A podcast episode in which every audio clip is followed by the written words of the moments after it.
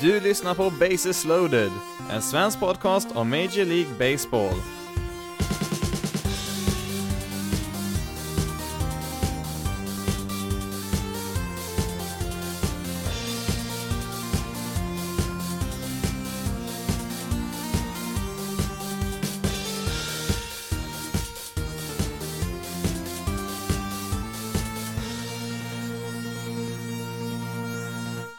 Och välkommen till ett specialavsnitt av Basis loaded där vi ska kolla närmare på vad som hände under trade deadlinen. I vanliga fall så kommer ju alla nya avsnitt på måndagar, men tänkte eh, i och med eh, alla trader som händer här nu under veckan så kör vi ett specialavsnitt här nu inför helgen här och så kör vi ett vanligt avsnitt sen på måndag igen. Deadlinen var ju där i onsdags då på kvällen vid 10-tiden svensk tid och eh, det såg ju väldigt trögt ut där ganska nära inpå, men sista timmen där så hände det ju faktiskt en hel del och även en del strax efter 10-tiden kom ju ut där det var ju alla, alla trader var ju färdiga vid eh, klockan 10 där, men eh, sen så tog det ju tag innan media och så fick tag på vilka spelare som hade gått till vilket lag och så. Nytt eh, för i år är att det bara finns en enda trade deadline. Tidigare år så har det funnits två stycken, en sista juli och en sista augusti där och ja, i augusti kunde man trada under lite andra regler där, men man kunde ändå hitta en hel del bra spelare där som exempelvis Astros gjorde för två år sedan när man värvade in Justin Verlander där precis sista minuten där innan augusti månad tog slut. Inför säsongen så tog man bort möjligheten att eh, trada spelare i augusti, vilket innebär att lagen nu inte längre kan eh, trada spelare med varandra. I alla fall inte spelare på MLB-nivå. Man kan fortfarande trada minor League-spelare, men alla spelare som är på en eh, MLB-roster kan inte längre tradas den här säsongen. Med andra ord, så den roster lagen har nu är den de kommer att ha resten av säsongen här och sen så får man i så fall förstärka med spelare från sitt minor League-system i så fall.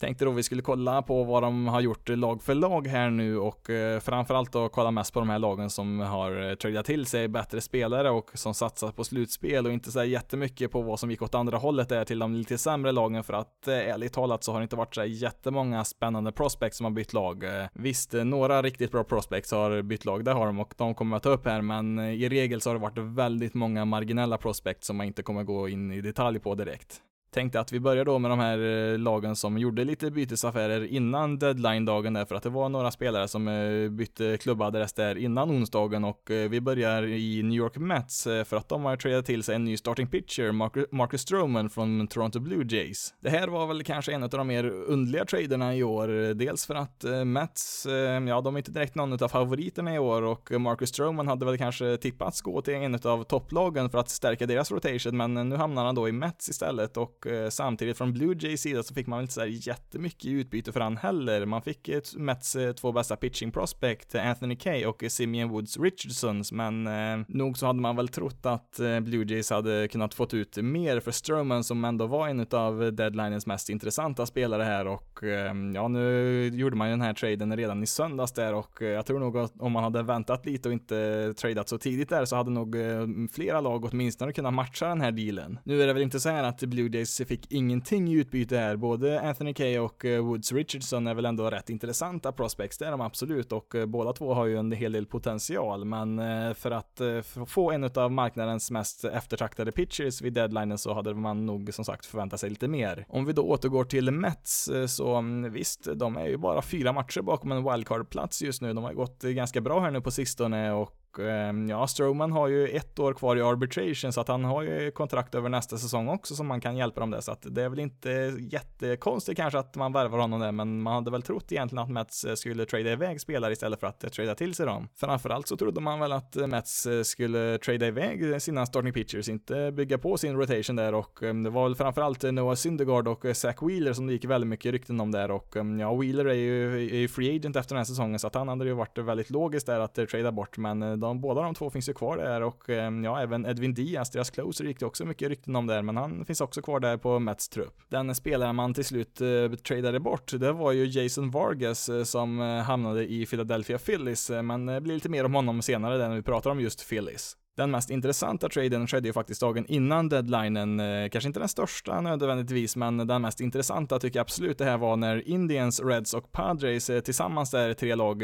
eh, bytte lite spelare med varandra och jag tycker alla tre lag fick en hel del intressanta spelare här. Om vi då börjar med Cleveland Indians som jag tycker gjorde bäst ifrån sig den här traden, så mm, ja, man fick en hel del spelare här. Man blev bara av med Trevor Bauer, deras starting pitcher, och visst, det är väl inte så bara och bara, men man fick istället in Jassel Puig, Fran Mill Reyes och eh, lite prospects, eh, så att eh, jag tycker man gjorde väldigt bra ifrån sig i den här traden. Av de prospects som Indians fick i utbyte så är det väl framförallt Logan Allen som är den mest anmärkningsvärda där från San Diego Padres. Han har ju funnits med på lite topp 100-listor över prospects och förväntas kunna bli en användbar starting pitcher, även om han haft det lite tufft i år här under sin debutsäsong så ska han väl ändå ha en hygglig chans att kunna vara en nummer fyra eller nummer fem starter där i något lag. Man tappar ju då Trevor Bauer här från sin rotation och det kan ju tyckas lite knepigt med tanke på att man är inne och jagar en slutspelsplats, men man har fortfarande kvar Mike Clevenger och Shane Bieber där i sin rotation och eh, sen så har man även några andra unga spelare där som har gjort rätt bra ifrån sig i år och eh, sen så får man ju tillbaka lite pitchers från skador där också, bland annat eh, Corey Kluber ska vara tillbaka ganska snart där så att man har ju ganska, en ganska bra rotation där ändå. Man skulle väl kunna säga att Indians har haft ett, ett överskott utav starting pitchers i år och har använt det överskottet för att stärka andra delar av laget här då när man får in Puig och Reyes och ehm, vad de två eh, erbjuder det är ju framförallt en hel del styrka i deras lineup som de har saknat i år. Puig får man ju visserligen bara använda i två månader innan han blir free agent, eh, men jag tror nog eh, han kommer kunna bidra med en hel del eh, resten av året här för Indians och ja, Reyes, han gjorde ju däremot sin MLB-debut först förra året, så han har ju ganska många år kvar innan han blir free agent där, så att han kan man ha där i ganska många år till framöver. Dessutom så blir han väl lite mer värdefull för ett lag som Indians som har en designated hitter för att, ja, han har ju spelat som outfielder för Padres, men det är han väl inte så jättebra på, så att han är väl som sagt mer värdefull för ett American League-lag och Ehm, ja, 27 homeruns har han i år och eh, det har ju varit en liten bristvara för, för Indiens i år så att eh, det är absolut ett behov man fyller där med Fran Miller Reyes. Som sagt, eh, jag tycker om den här dealen från Indiens sida och i sin helhet så tror jag nog nästan det här laget är bättre än, än vad det var förut, även om man blev av med Trevor Bauer här och ehm, ja, man fick ju en hel del kritik i vintras för att man var ganska inaktiva där på free agent-marknaden och ehm, ja, man gjorde väl inga förstärkningar alls där så att, men ja, bättre sent än aldrig i alla fall. Det laget som tog störst risk i den här affären, det var ju absolut Cincinnati Reds eh, som gjorde lite både och vid den här deadlinen. De eh, tradade ju till sig då Trevor Bauer, men de tradade iväg lite spelare också, så att eh, man gjorde lite både och här och det var väl egentligen de med sikte på 2020 som man gjorde de här affärerna. Likt Marcus Stroman så har ju Trevor Bauer ett år utav arbitration kvar, så att han finns ju med där för Cincinnati även nästa säsong ehm, och ehm, ja, Bauer är ju en väldigt udda person både på och utanför planen framförallt utanför så har det väl varit lite kontroverser kring honom där och det har väl tagit lite tid för honom att anpassa sig i nya miljöer men eh, ja, vi får väl se där hur lång tid, lång tid det tar innan han eh, kommer in där i Reds organisation. På planen så var ju Bauer fantastiskt bra förra året eh, men i år så har han ju varit stundtals svajig och ja, han är ju lite oberäknelig Trevor Bauer så att vi får väl se vilken version Cincinnati får här. Om vi kollar på vad Reds gjorde i sin helhet vid den här deadlinen så gjorde man ju ingenting för att det påverkar laget negativt inför nästa säsong. Eh, Puig som vi nämnde är ju free agent efter den här säsongen och eh, Bauer då som kommer finnas med nästa år, han går in i deras rotation istället för Tanner Rourke som han tradade iväg till Oakland och um, Tanner Rourke är ju även han är free agent efter den här säsongen. Så att det ska ju bli väldigt intressant att se framförallt efter säsongen är slut här nu i vinter och um, ja, se vad Reds kan tänka sig göra där för att uh, man har väl mer, mer eller mindre signalerat konstaterat är att man är all in på 2020 här med den här traden och ehm, ja visst eh, har man Luis Castillo, Sunny Gray och Trevor Bauer där högst upp i sin rotation då har man ju en bra grund att bygga på där men man behöver nog förstärka lite till där så att eh, det ska bli intressant att se hur de tänker där eh, på andra positioner inför 2020. Det tredje laget i affären här var ju då San Diego Padres och även de fick ju bara en spelare här, men det var ju inte vilken spelare som helst, utan det var ju Taylor Tremell, ett väldigt lovande prospect här som kommer vara intressant här de närmaste åren. Nu fick man ju då ge upp Fran Mill Reyes här som, eh, visst han har varit en användbar spelare i år, eh, men samtidigt så har man ett överskott på corner outfielders här, så man var ju tvungen att trada iväg någon av dem där, för man har inte speltid till alla de här, så att eh, man passar väl på här när Reyes har spelat rätt bra i år, att få ut lite värde för honom där. Lite samma sak med Logan Allen som absolut har möjlighet att bli en användbar pitcher på MLB-nivå, men man har väldigt många andra pitching prospect där i Padres, så att det är inga spelare man, inga spelartyper man har brist på direkt i Padres organisation. Anledningen anledningen till att eh, Cincinnati Reds eh, tar den största risken här i den här bytesaffären är att man skickar iväg en potentiell superstjärna i Taylor Trammell då, som hamnar i Padres och eh, ja, han har ju funnits med bland ligans topp 50 bästa prospects här nu under flera år och Ehm, ja, han har ett väldigt högt tak så att han är en eh, potentiell superstjärna som sagt, men han har ett, en bit att jobba innan han kommer dit för han har vissa svagheter där som han behöver jobba på för att eh, kunna nå dit. Padres hoppas väl att eh, Tremell ska bli deras eh, framtida centerfielder för att man har väl inte jättemånga sådana i sitt farmsystem där så att man satsar väl lite på honom här och Eh, ja, han har haft det lite tungt i år på minor League-nivå. Eh, han eh, har hoppat upp till AA A och han är en av de yngsta spelarna på den nivån. Han fyller ju snart 22 år här och ja, det är väl kanske inte så jättekonstigt att han har problem när han är så pass ung på den nivån där, men han behöver framförallt bygga på lite muskler där och få lite styrka i svingen där för att det är väl främst det som saknas i nuläget.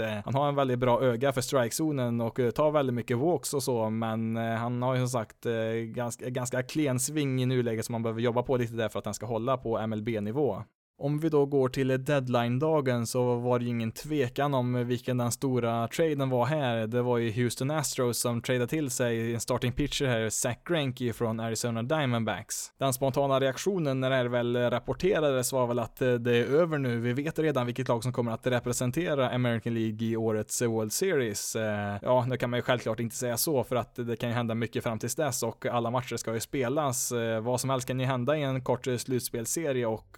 ska skador kan ju dyka upp för vilket lag som helst också. Men med det sagt, eh, ett lag som kan ställa upp med en eh, rotation eh, där med Justin Verlander, Garrett Cole och nu också Zach Greinke, det känns ju inte direkt rättvist mot de andra lagen där och ja, dessutom har man ju då Wade Miley som en fjärde och sista starter där i en slutspelsrotation så att det blir ju väldigt svårt att överkomma det för de, för de andra lagen skulle jag tro. Greinke är ju numera 35 år gammal, men han är väl mer eller mindre lika effektiv som han var för 10 år sedan, även om han inte riktigt är exakt samma pitcher som han var då. Och eh, ja, lägg där till ett Astro som ligger i framkant i analys och utveckling så kanske de kan göra det de gjorde för Justin Verlander för ett par år sedan och eh, hjälpa honom ta ytterligare ett steg framåt här, även fast han börjar bli lite gammal nu. Astros har ju varit ett väldigt intressant lag vid deadlinen eh, i flera år nu. För två år sedan så tradade man ju till sig Justin Verlander och förra året så var man ju tydligen väldigt nära att trada till sig Bryce Harper där, men det stoppades där i sista stund och nu då får man in Zach Greinke och och eh, visst, det har väl kostat en del prospects där, framförallt eh, Greinke här, men eh, samtidigt så var det väl en vinst här att de fick behålla både Kyle Tucker och eh, Forrest Whitley, deras två absolut bästa prospects här, så att eh, man är nog ganska nöjda där ändå från Astros sida. Astros gjorde ju några mindre trader här också, bland annat så tradade man till sig Martin Maldonado för andra året i rad, en catcher där som, eh, ja han kommer ju bli ett bra komplement där till eh, deras ordinarie catcher Robinson Chirinos eh, som är mer offensivt inriktad, eh, medans Eh, Maldonado är betydligt bättre defensivt där, så att de kommer väl vara ett bra komplement till varandra där. Han eh, ersätter ju då deras eh, tidigare backup eh, Max Stassi där som har lite samma profil som Maldonado, bedrövliga som slagmän men väldigt bra defensivt där, men med det sagt så är Maldonado betydligt bättre som slagman jämfört med Stassi där, så att det är ju en uppgradering där och och eh, det innebär ju då att eh, Stas inte har plats på deras roster längre och eh, tradades iväg till Los Angeles Angels här nu också. Astros fick även in ett par pitchers från Blue Jays när man tradade till sig Joe Biagini och Aaron Sanchez. Biagini är väl främst en relief pitcher där och Aaron Sanchez har väl mestadels varit en starting pitcher men han kommer nog förmodligen att få användas en del som relief pitcher i Astros. Deras bullpen är väl redan bra och stabil som den är men så här när vi närmar oss slutspelstider så är väl alla förstärkningar välkomna och eh, ja, Biagini är väl ingen märkvärdig pjäs eller så men eh, han lär väl säkert vara användbar där och eh, ja, Aaron Sanchez är väl den mer intressanta spelaren här för han hade ju en väldigt bra säsong 2016 där, men har inte kommit upp i den formen sedan dess på grund av, ja, mycket på grund av skador där. Så det blir ju väldigt intressant att följa hans tid här nu i Astros, om de kan hjälpa honom att komma tillbaka till sin eh, fulla potential här, för man är ju som sagt väldigt bra på analys och utveckling här i Astros, så att eh, de är en väldigt bra kandidat till att få tillbaka honom där i gammal god form där. Den här sista traden med Blue Jays eh, kostar ju ett eh, tidigare topp 100 prospect, eh, Derek Fisher, som är en outfielder och han har ju producerat väldigt bra på minor League-nivå, men på de ungefär 300 plate appearances som han har de senaste tre åren i MLB så har han inte haft någon större framgång där, så att han har väl tappat lite av sitt värde som prospect där, men som jag nämnde tidigare så är nog Astros väldigt glada över att de har kunnat bygga sin roster här nu utan att göra sig av med sina två absolut bästa prospects. Ett annat annat lag med en ganska intressant eh, deadline, det var ju Diamondbacks här som, eh, ja vi har ju pratat lite om Zach Greinke som de tradeade iväg och eh, det var ju faktiskt en ganska viktig ekonomisk avlastning man gjorde där för Diamondbacks. Han utgjorde ju själv där ungefär en fjärdedel utav hela deras payroll där så att eh, man fick ju väldigt eh, mycket pengar löst där som man kan använda på andra ställen där. Nu ska man väl visserligen betala ungefär en tredjedel utav hans kvarvarande kontrakt som sträcker sig i två år till efter den här säsongen, men man fick ju då utbyte fyra prospects från Astros, varav tre är ganska bra sådana också de här tre mest anmärkningsvärda spelarna som han fick från Astros var ju då Corbin Martin, en väldigt lovande starting pitcher som eh, hade lite svårt här i sin MLB-debut i år här, men eh, han fick ju göra en Tommy John-operation här ganska nyligen, så att det hade väl kanske lite grann med det att göra och eh, ja, han kommer väl förmodligen att missa i stort sett hela nästa säsong också där, men han är ju ett framtidsnamn där. Sen så fick man även med JB Bukaskus, en annan starting pitcher som likt Corbin Martin där dykt upp på lite topp 100-listor för, för lovande prospects och Ehm, ja, även han har haft eh, lite problem med skador och eh, har även eh, vissa problem att pricka strikezonen ibland, så att han är väl ett alternativ där till en framtida mm, reliever där, men han är ändå fortfarande ganska lovande i nuläget. Sen så fick man även med Seth Beer som var Astros första val i draften förra året och han är också ett intressant tillskott där, för han har en enorm råstyrka, men ja, inte så jättemycket mer utöver det och han är en solklar första basman designated hitter där i framtiden och man skulle kunna likna han lite grann vid eh, Peter Alonso där och ehm, ja, han är uppe i double A just nu och eh, han har väl krossat motståndet där så att eh, han är ett intressant namn där, även han för framtiden. Man gjorde en till ganska intressant trade här som inte fick så mycket uppmärksamhet under deadline-dagen här och det var när man tradade till sig Zach Gallen, en starting pitcher från Miami Marlins och ehm, ja, Gallen är en rookie här som har gjort sin MLB-debut i år och han har sju stycken starters så här långt i år som har sett väldigt imponerande ut i och i utbyte där så fick man då trada sitt bästa bästa prospect, Jens Chisholm, en shortstop eh, som, eh, ja, han eh, påminner väl lite grann om Javi Baez, väldigt bra defensiv och riktigt aggressiv som slagman där, så att påminner väl lite grann om Cubs shortstop där på förhand så hade man väl nog trott att eh, laget skulle trada iväg lite mer spelare än vad man gjorde och eh, visst, man hade väl lite, lite, diskussioner med andra spelare där, bland annat eh, Robbie Ray, deras starting pitcher, hade man väl framförallt diskussioner med Yankees om där, men eh, Diamondbacks hade väl ett ganska högt pris på honom där, så det blev ing ingenting där. Vi fortsätter inom samma division med Los Angeles Dodgers och eh, på förhand så var det ju lika solklart att de skulle skaffa sig en bra reliever som att det var solklart för Yankees att de skulle skaffa en eh, bra starting pitcher här nu innan deadlinen, men inget utav det här hände och eh, ja, det var en ganska tyst deadline för båda de här två lagen. Det man till slut gjorde från Dodgers sida, det var att trada till sig Adam Kolarek, en 30-årig vänsterhänt relief pitcher från Tampa Bay Rays i utbyte mot en minor League-spelare där och Ehm, ja, han var väl inte det toppnamn man hade förväntat sig där till eh, Dodgers bullpen, men ehm, ja, han kan väl säkert vara eh, användbar där. Ingen märkvärdig säsong i år där, men ja, en ERA strax under fyra där på 43 innings och eh, kastar väl strax över 90 miles per hour där, så att det här är ingen strikeout-maskin direkt som Dodgers får här. Men han är däremot en extrem groundball pitcher som ligger fyra på listan över relievers i ligan som får till mest ground balls och ehm, ja, han kommer väl kanske främst att användas mot vänsterhänta slag slag, men som han haft en hel del eh, framgång mot eh, tidigare i sin karriär. Man eh, tradar även till sig Jed Jerko från St. Louis Cardinals där som en extra spelare där på deras infield som har lite skador just nu och visst, nu är han ju själv skadad och har varit det ett tag här, men han ska väl vara tillbaka ganska snart och kunna erbjuda lite bredd där på deras infield. Hade ju förväntat betydligt mer än så här, framförallt i deras bullpen, deras starting rotation och deras lineup är ju bland ligans bästa. Det är deras bullpen där det finns lite frågetecken där och när man bara har en eh, liten mindre svaghet så tycker jag ändå att man borde kunna göra bättre för att förbättra den, framförallt med reliever som inte direkt kostar så mycket vid deadlinen här. Visst, nu tror jag Dodgers har alla möjligheter i världen att eh, vinna med den roster man har, det tror jag nog, men eh, om man skulle till exempel åka på stryk i en World Series igen här nu mot ett lag som Astros som faktiskt valde att trada bort lite prospects för att stärka laget inför slutspelet här, ja, då får man ju skylla sig själv lite grann här från Dodgers sida. Man diskuterar ju väldigt länge med Felipe Vasquez Pirates eh, closer där som kanske var marknadens eh, bästa alternativ där om han hade tradats och eh, de hade väl krävt Gavin Lux där i utbyte från Dodgers sida och visst, jag kan väl förstå att de inte vill trada bort sitt bästa prospect där och ja, man hade väl även krävt en del andra top prospects där om de inte fick Lux där och visst, jag kan väl, jag kan väl förstå att de inte fick Vasquez där från Pirates, men det fanns ju andra alternativ också där så att ja, lite tveksam till Dodgers beslut där faktiskt. Nu ska jag inte vara alltför kritisk just här och nu mot Dodgers eh, med det här beslutet. För att eh, det ser ut som man hade en ganska tydlig plan här när man inte fick in sitt, eh, ja, fick in någon toppspelare där i deras bullpen. För att nästan direkt efter deadlinen här så kom det ju nyheten ut att man kallar upp Dustin May till sin MLB-roster. Han är ju en av ligans bästa pitching prospect i nuläget och han var väl en av de här spelarna som Pirates hade velat haft i utbyte mot Felipe Vasquez. Och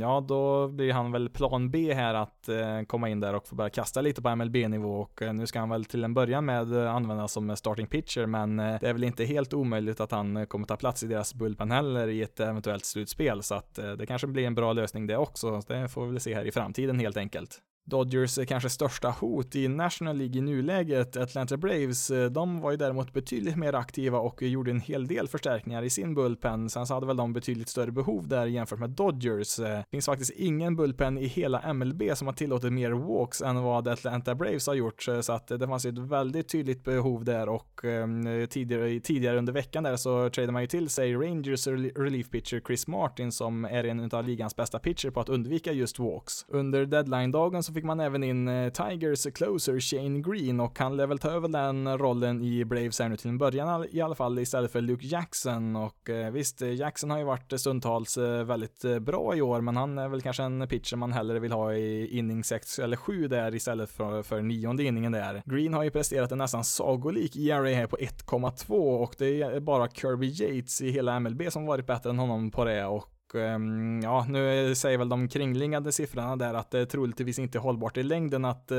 prestera så bra. Hans eh, FIP och XFIP är ju närmare fyra där så att hans ERA kommer väl troligtvis gå upp lite grann här nu under resten av året. Men man nöjde sig inte där, för man tradade till sig även en tredje relief pitcher där, Mark Melanson från San Francisco Giants eh, fick man in där och eh, ja, Melanson skrev ju på ett eh, stort kontrakt med Giants inför säsongen 2017 och han har väl inte riktigt letat upp till kontraktet, det har han väl inte gjort, men han har ändå spelat rätt stabilt i år och även förra året där. Tjänar 14 miljoner dollar per år och det kontraktet tar slut efter nästa säsong där och ja, Braves har sagt att de ska ta hela lönen där så att man behövde inte byta, byta någon större prospects där för att eh, få in honom där. Faktum är att eh, Braves gör alla de här eh, bytesaffärerna mot en relativt låg prospectkostnad. Det största namnet man har tradat bort det är Colby Allard som gick till Rangers där i utbyte mot Chris Martin eller det är ju ett före detta topp 100 prospect, eh, men han har ju inte riktigt levt upp till de förväntningarna och eh, visst, han är fortfarande ung och har tid att utvecklas, men han lär väl inte bli någon sån här topp eh, starting pitcher där som är liksom ett lags första eller andra pitcher så, utan han är väl kanske mer i mitten utav en rotation eller kanske lite längre bak där, men ja, man gör ändå väldigt bra ifrån sig tycker jag från Braves sida vid deadlinen här. Visst, deras rotation är väl inte klockren, även om Kaikel har kommit in där och kastar ganska bra och med Nick Markakis skada där så kanske man hade kunnat gjort något mer i deras outfield där, men eh, överlag så tycker jag ändå man gjort ganska bra ifrån sig här för en ganska låg kostnad och framförallt då stärkt sin bullpen här. Vi hoppar tillbaka till National League West och eh, San Francisco Giants vars eh, front, front office skickar ut lite delade budskap här under deadlinen å ena sidan så har man ju tradat bort spelare som Sam Dyson, Mark Melanson och Drew Pomerans, men samtidigt så har man ju tradat till sig spelare som Scooty Gennett och sen så har man ju lite mer värdefulla spelare som Madison Bumgarner och Will Smith som man inte tradea bort av någon anledning så jag vet inte riktigt vad Giants eh, plan var här egentligen. Visst, eh, jag kan väl kanske se logiken i en eh, spelare som Mark Melanson där, att man tradar honom där med hans relativt stora kontrakt och även Drew Pomerans där som har haft en katastrofal säsong som starting pitcher. Han har ju omvandlats här nu ganska nyligen till relief pitcher och gjort det väldigt bra i de få matcherna han har fått chansen att vara i deras bullpen. Dessutom så fick man ju ett ganska bra prospect där, eller i alla fall ett hyggligt prospect från Brewers där i utbyte mot Pomerans där när man fick Mauricio Dubon där som ett, eh, ja, kan nog vara en framtida super utility-spelare där, men eh, sen, alltså när man tradar Sam Dyson där som en väldigt bra relief pitcher och ja, man fick väl eh, visst eh, några lite halvintressanta prospects där från Twins, men det var liksom Twins kanske topp 20 eller topp 30 prospects man skickade där, inga direkt toppnamn så och eh, dessutom så har ju Dyson kontrakt även nästa säsong där så man tycker att man kunde ha fått lite bättre eh, värde där, men man vill väl satsa på lite mer uppsida istället för kvalitet där, alltså man tog lite spelare som man brukar kalla för liksom lottobiljetter som förmodligen inte kommer ge någon utdelning alls, men när man väl träffar på dem så kan det bli en rejäl jackpot där och Ehm, ja, jag, jag är inte jätteförtjust i vad The Giants gjorde här under deadlinen, men ehm, ja, de vet väl betydligt mer än vad jag vet så att det ska väl inte säga för mycket. Nu har väl eh, Giants eh, i och för sig fortfarande en rätt hygglig bullpen kvar här, men man har ju inte, inte direkt gjort det något lättare för den kvarvarande truppen här att eh, tävla om en wildcard-plats. Den stora värvningen, om man nu får kalla det så, till laget, det blev ju då Scooter Gennett,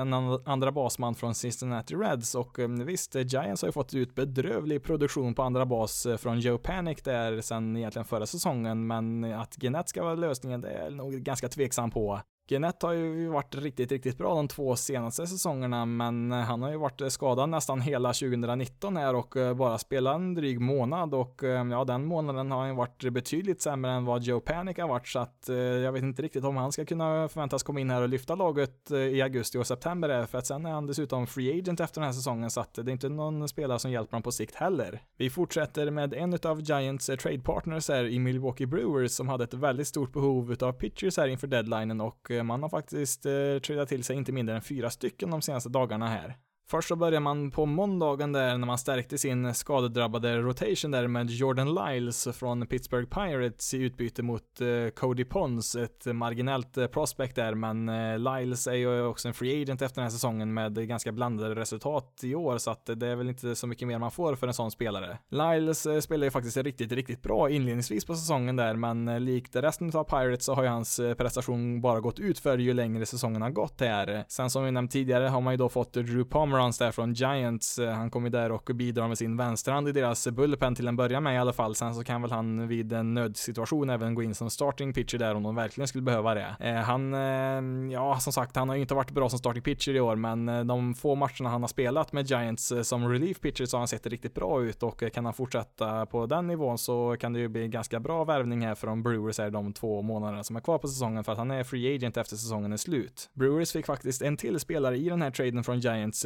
nämligen Ray Black, en relief pitcher som eh, har varit väldigt skadedrabbad i sin karriär, men när han väl är frisk så har han en av de mest dominanta fastballs som finns i hela baseballvärlden och den når ju regelbundet 100 miles per hour. Han har under sin minor League-karriär närmare 17 strikeouts per 9 innings, vilket är absurt högt och eh, inte helt oväntat har han som resultat också ganska stor, stora problem att eh, placera bollen där han vill ha den, så att det blir ju väldigt mycket walks på köpet där också, men eh, kan de tämja honom lite grann där från Brewers sida så så skulle han vara en väldigt intressant spelare här för dem. Den fjärde och sista pitchen man tradade till sig kom från Tampa Bay Rays när man fick eh, Jake Faria i utbyte mot sin första basman, Jesus Aguilar, som ehm, gjorde succé för Brewers förra året. Man har haft det väldigt tungt i år. Man har redan Eric Thames där på första bas eh, som har spelat rätt bra i år, så att eh, det är inte så att man får en lucka där i sin lineup när man tradar Aguilar där och man stärker istället ett annat behov man har på sin roster. Sammanfattningsvis har väl Brewers gjort vad de kan här med de resurserna som finns. De har ju ett ganska magert farmsystem där, så att det fanns väl inte någon möjlighet att få in några jättestora namn här och så och eh, ja, man har ju tradat bort ganska mycket prospects där bland annat för Christian Jelic förra året där och ja, man får väl hoppas att just Christian Jelic och Keston Hera kan fortsätta att bära laget här offensivt resten av året här för att man ska ha en chans att nå ett slutspel.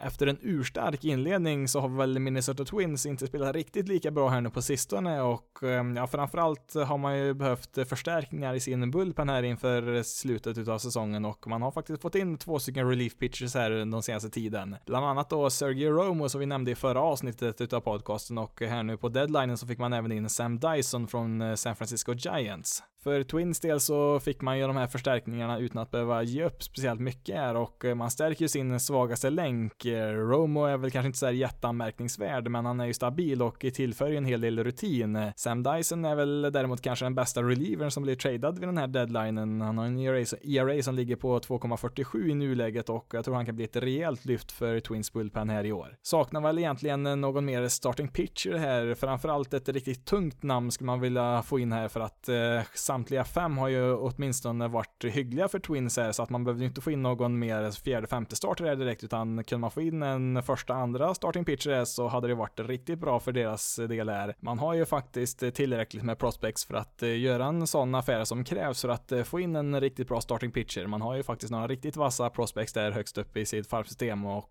Eh, ja, nu värderas ju prospects väldigt högt av lagen här, men jag tycker ändå att när man fått ihop ett sånt lag som en Twins har i år, att man bör satsa här och eh, trada någon av sina väldigt bra prospects där för att få in en eh, riktigt vass starting pitch där för att eh, göra en eh, fullvärdig satsning här nu i år. En del kanske märkte att Tampa Bay Rays gjorde väldigt många små trader med, eh, ja, framförallt en del relievers och andra lite marginella spelare som var lite på gränsen till att uh, platsa på deras MLB-roster. kanske gick upp och ner en hel del mellan MLB och AAA där och uh, det hade att göra med att de har lite problem med att få plats med alla sina spelare på sin 40-man roster och uh, man har väl även lite spelare som kommer att vara tillgängliga i Rule 5-draften här till vintern om de inte finns med på deras 40-man roster så att man var väl tvungen att flytta runt eh, lite spelare där och eh, ja, det kan man ju inte göra efter deadlinen här nu sista juli så att eh, man var helt enkelt, helt enkelt tvungna att skicka iväg lite, lite mindre kända spelare här. Har ju redan nämnt ett par trader där med sådana här spelare till bland annat Dodgers och Brewers där och en av spelarna man fick tillbaka från Brewers där var ju då Jesus Angelard, där, första basmannen och som vi nämnde har han haft en väldigt tung säsong i sin helhet så här långt i år men han har spelat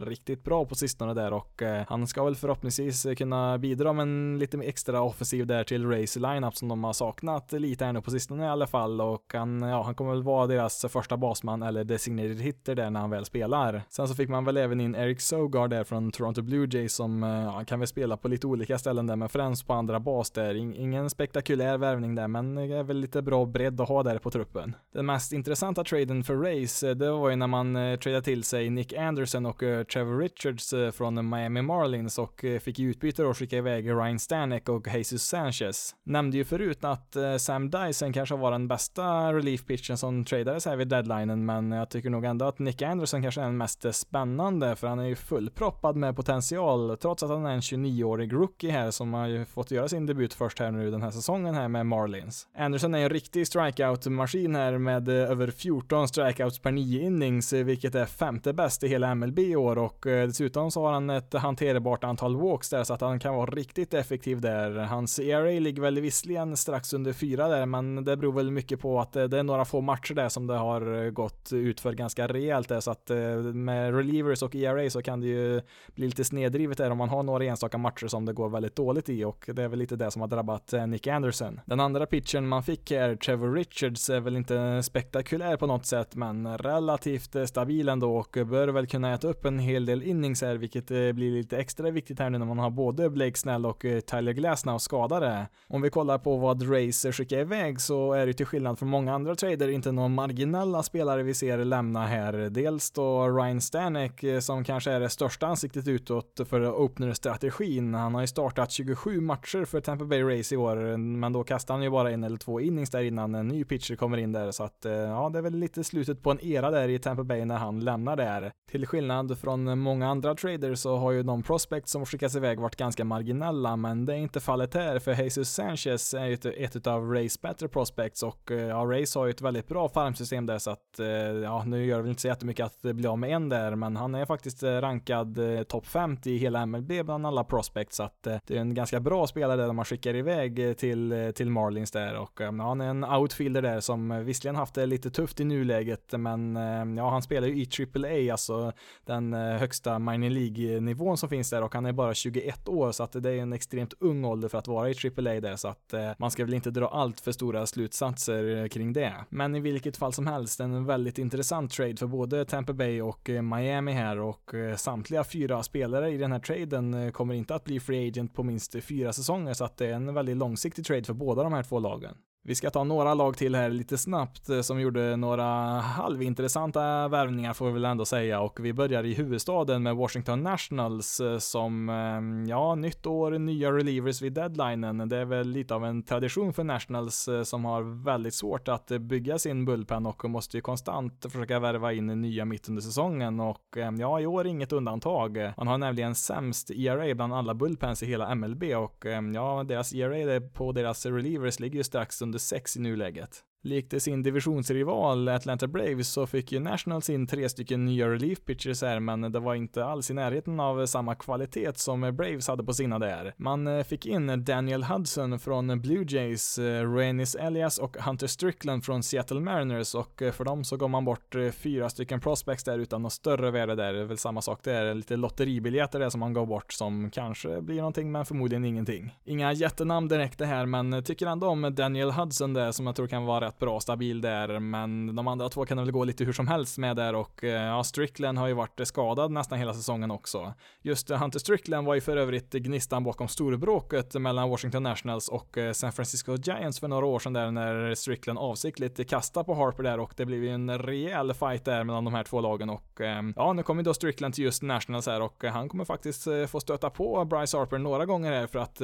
Nationals och Phillies ska väl möta varandra några matcher till här nu innan säsongen är slut. Som sagt, inget eh, spektakulärt här, men är det en förbättring? Ja, det är det ju, men det säger väl kanske lite mer om läget i Nationals bullpen. Chicago Cubs fick väl ett par intressanta tillskott. Eh, man började i söndags där med en liten förstärkning där i sin bullpen eh, i form av David Phelps eh, som han tradade till sig från Blue Jays och han kan väl bidra med lite stabilitet i en väldigt ojämn bullpen. Nicky Castellanos tradade man till sig från Tigers här nu under deadlinen och ehm, ja, han lär väl springa ännu mer vilse nu i right field med all vind som blåser där på Wrigley Field. Han är ju som sagt väldigt svag defensivt där, men han bidrar ju med en hel del offensiv styrka där och ehm, ja, Tigers blir av med en av väldigt eh, få position players som man faktiskt har lyckats fostra i sin egen organisation och som haft eh, någon form av framgång på MLB-nivå. Man fick in en eh, tredje spelare också, Tony Camp eh, från Houston Astros när man eh, tradade Martin Maldonado där som vi nämnde och ja, Tony Camp, han hade väl en ganska dålig offensiv säsong för Astros där och fick helt enkelt inte plats på deras roster längre där och han kan spela både som outfielder och även lite grann på andra bas. Addison Russell som har spelat mestadels på andra bas för Cubs i år har ju stora problem både på och utanför planen och ja, nu nyligen så skickades han ner till AAA och ja, Camp är väl inte något speciellt mycket bättre han eh, så här långt i år i alla fall när det gäller offensiv produktion, men han är väl som sagt lite mer flexibel där som kan spela lite fler olika positioner. Inga jättestora värvningar direkt så här vid deadlinen, men eh, laget är väl trots allt bättre än vad de var förra veckan, även om det var en ganska marginell förbättring så är det ändå en förbättring där. Man hade ju även en värvning där tidigare i sommar när man eh, skrev på med Craig Kimbrell där som var free agent, men han har väl tyvärr inte riktigt kommit igång än där för Cubs. Vi fortsätter med Oakland Ace som fick in tre stycken pitchers här vid lite olika tillfällen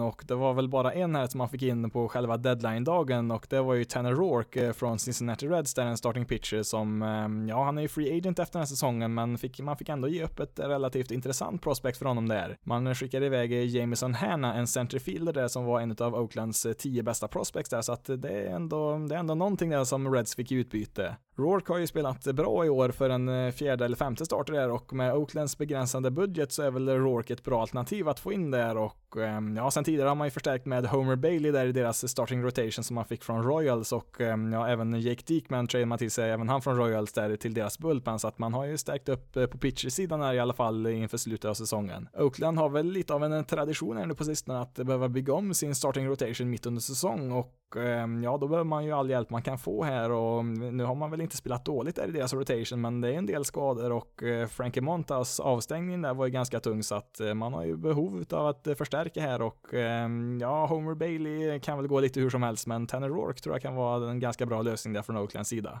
Även Philadelphia Phillies gjorde lite trader här vid deadlinen. Inga 330 miljoner dollars värvningar direkt så, men lite budgetvärvningar och eh, det tycker jag nog ändå var rätt väg att gå här från Phillies sida. Jag tror inte säsongen 2019 är det året man ska bränna det lilla som finns kvar i deras farmsystem för att eventuellt ta sig till en wildcard-match där. I måndags så tradade man till sig Jason Vargas, en starting pitcher från New York Mets, där i utbyte mot en catcher, Austin Bossart, en 26-årig catcher där i AA som, eh, ja, de flesta verkar tro att han kanske på sin höjd blir en backup-catcher i AAA, så att eh, Phillies behövde ju i princip inte ge någonting här för Vargas. Vargas hade ju inte någon bra säsong 2018 och han inledde ju även 2019 lika dåligt, men efter att ha kommit tillbaka här i mitten av maj från en skada där så har han eh, spelat rätt bra faktiskt eh, Eh, tycker ändå det är en rätt eh, bra värvning här från Phillies sida, men eh, problemet är väl att Vargas kanske är lagets näst bästa starting pitcher bakom Aaron Nola och om Jason Vargas är din näst bästa pitcher, ja då är det någonting som inte riktigt står rätt till, i alla fall inte för ett lag som hade förväntningar om att gå långt i ett slutspel i år.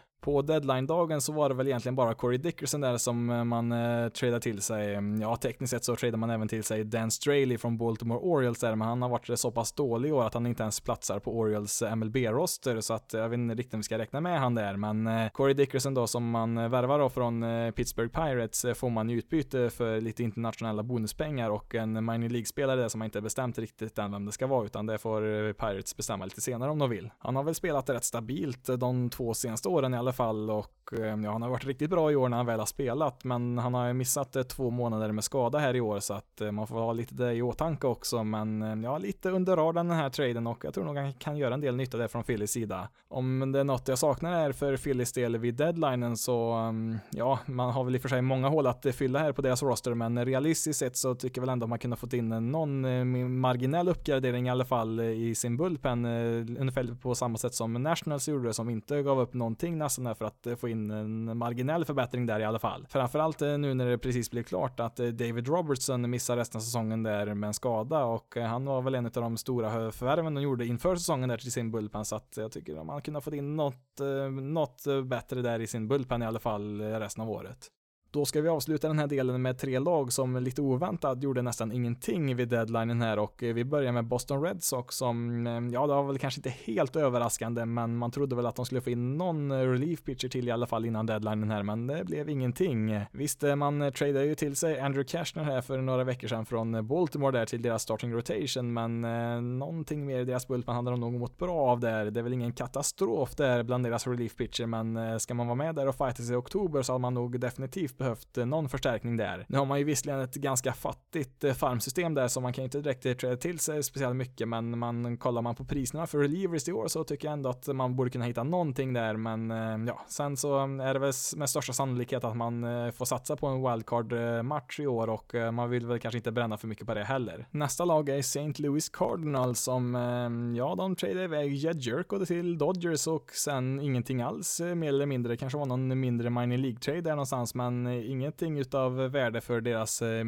MLB-roster. Man letar väl främst efter förstärkningar i sin starting rotation och eh, ja, man hittar väl ingenting man ville ha där, eller rättare sagt man hittar väl ingenting man ville ha till eh, det priset man var, var villig att betala. Jag har väl lite samma problem där som Red Sox Bullpen, att det är väl inte katastrof i deras starting rotation, men det hade väl nog hjälpt absolut att få in någon form av förstärkning där och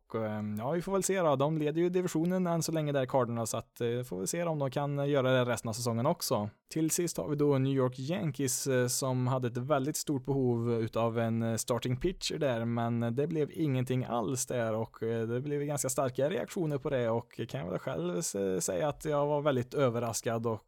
förbryllad över det här, men det är kanske lite mer logiskt än vad man tror när man tittar på läget i, runt omkring i ligan. Det som Yankees behövde var inte vilken starting pitcher som helst för att de har ju flera stycken rätt hyggliga där redan på plats, så att det de behövde var ju framförallt en riktigt bra starting pitcher som kunde gå upp där högt upp i deras rotation, men eh, kollar vi på vad priset var på många av dem i år så var det väldigt, väldigt högt. Kollar vi sen på Yankees eh, farmsystem så har ju det blivit ganska magert här nu på sistone och eh, visst, eh, man har absolut tillräckligt med eh, prospects för att eh, kunna få till sig någon sån här riktigt bra pitcher, men det skulle ju innebära att det i princip inte fanns någonting kvar där i farmsystemet när jag kollar lite närmare på det. Man har ju några riktigt bra namn där uppe i toppen, men man har väl inte riktigt bredden där i systemet där eftersom man dels har tradat bort lite grann och eh, även flyttat upp en del på deras Major League-roster. Så här i efterhand så känns det ju som att man kanske hade kunnat gjort mer för att få Marcus Stroman där som hade kunnat gjort nytta där i Yankees rotation, men eh, sen så vet vi ju inte om eh, Blue Jays eh, kanske krävde lite mer från Yankees där eftersom de är i samma division. Det kan ju också vara en faktor då i den, i den trade-diskussionen, men ehm, ja, det, det, är en besvikelse oavsett för Yankees del som hade behövt en riktigt vass starting pitcher till. Istället får man väl nu hoppas på att Luis Severino kommer tillbaka från sin skada här nu så snabbt som möjligt och att han han kan eh, komma igång eh, tillräckligt för att eh, vara i form till slutspelet i alla fall, men jag vet inte riktigt om man kan räkna med det eftersom han inte har kastat någonting alls i år i tävlingssituationer och ehm, ja, med tanke på att det inte är så långt kvar på säsongen så vet jag inte riktigt om han har tid att komma upp i, i den formen som han behöver för att vara en effektiv starting pitcher. Det finns väl kanske risk att han får användas som en relief pitcher istället och sen satsa fullt ut till nästa år istället.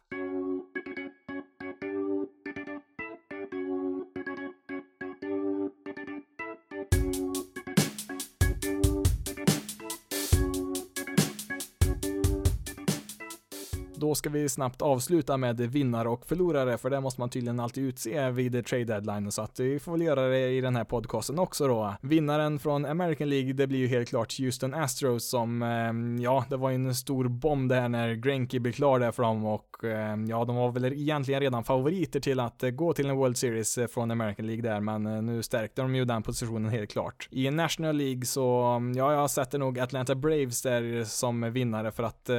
ja, de stärkte ju sin absolut största svaghet är i deras bullpen och eh, visst, det var väl inga super, supernamn, men jag tycker ändå att de fick in en hel del väldigt intressanta namn där som jag tror verkligen kommer göra laget bättre. Med allt det sagt så tror jag fortfarande inte att eh, varken Braves eller något annat lag i National League kan rå på Los Angeles Dodgers. Ehm, visst, eh, som jag sa tidigare, allt kan hända i en kort matchserie i ett slutspel, det kan det absolut, men jag tror fortfarande Dodgers är alldeles för starka och jag skulle bli väldigt förvånad om inte de är i en World Series för, för tredje året i rad. Och jag skulle nog eh, samtidigt bli väldigt förvånad om eh, det inte är Houston Astros som står där på andra sidan. Vill bara flika in eh, Cleveland Indians här också som en liten minivinnare för att de faktiskt vågar göra en sån här trade när man skickar iväg en viktig Major League-spelare för att stärka andra delar utav laget. Jag tycker det är lite kul att se en sån trade också och ja, jag tycker att de ska få en liten, liten plus i kanten där för att de faktiskt tog det beslutet där från Indiens sida. Förloraren i American League, det får New York Yankees bli som var i en väldigt tuff situation här och eh, ja, man var ju ett väldigt desperat behov av en eh, bra starting pitcher, men eh, marknaden var ju inte på Yankees sida här i år och Eh, visst, man hade väl kunnat eh, få in någon där, men då hade man väl i princip tömt hela sitt eh, farmsystem där, så att det var väl kanske inte något alternativ där i slutändan. Men trots allt det så måste de ändå ses som förlorare här då resten av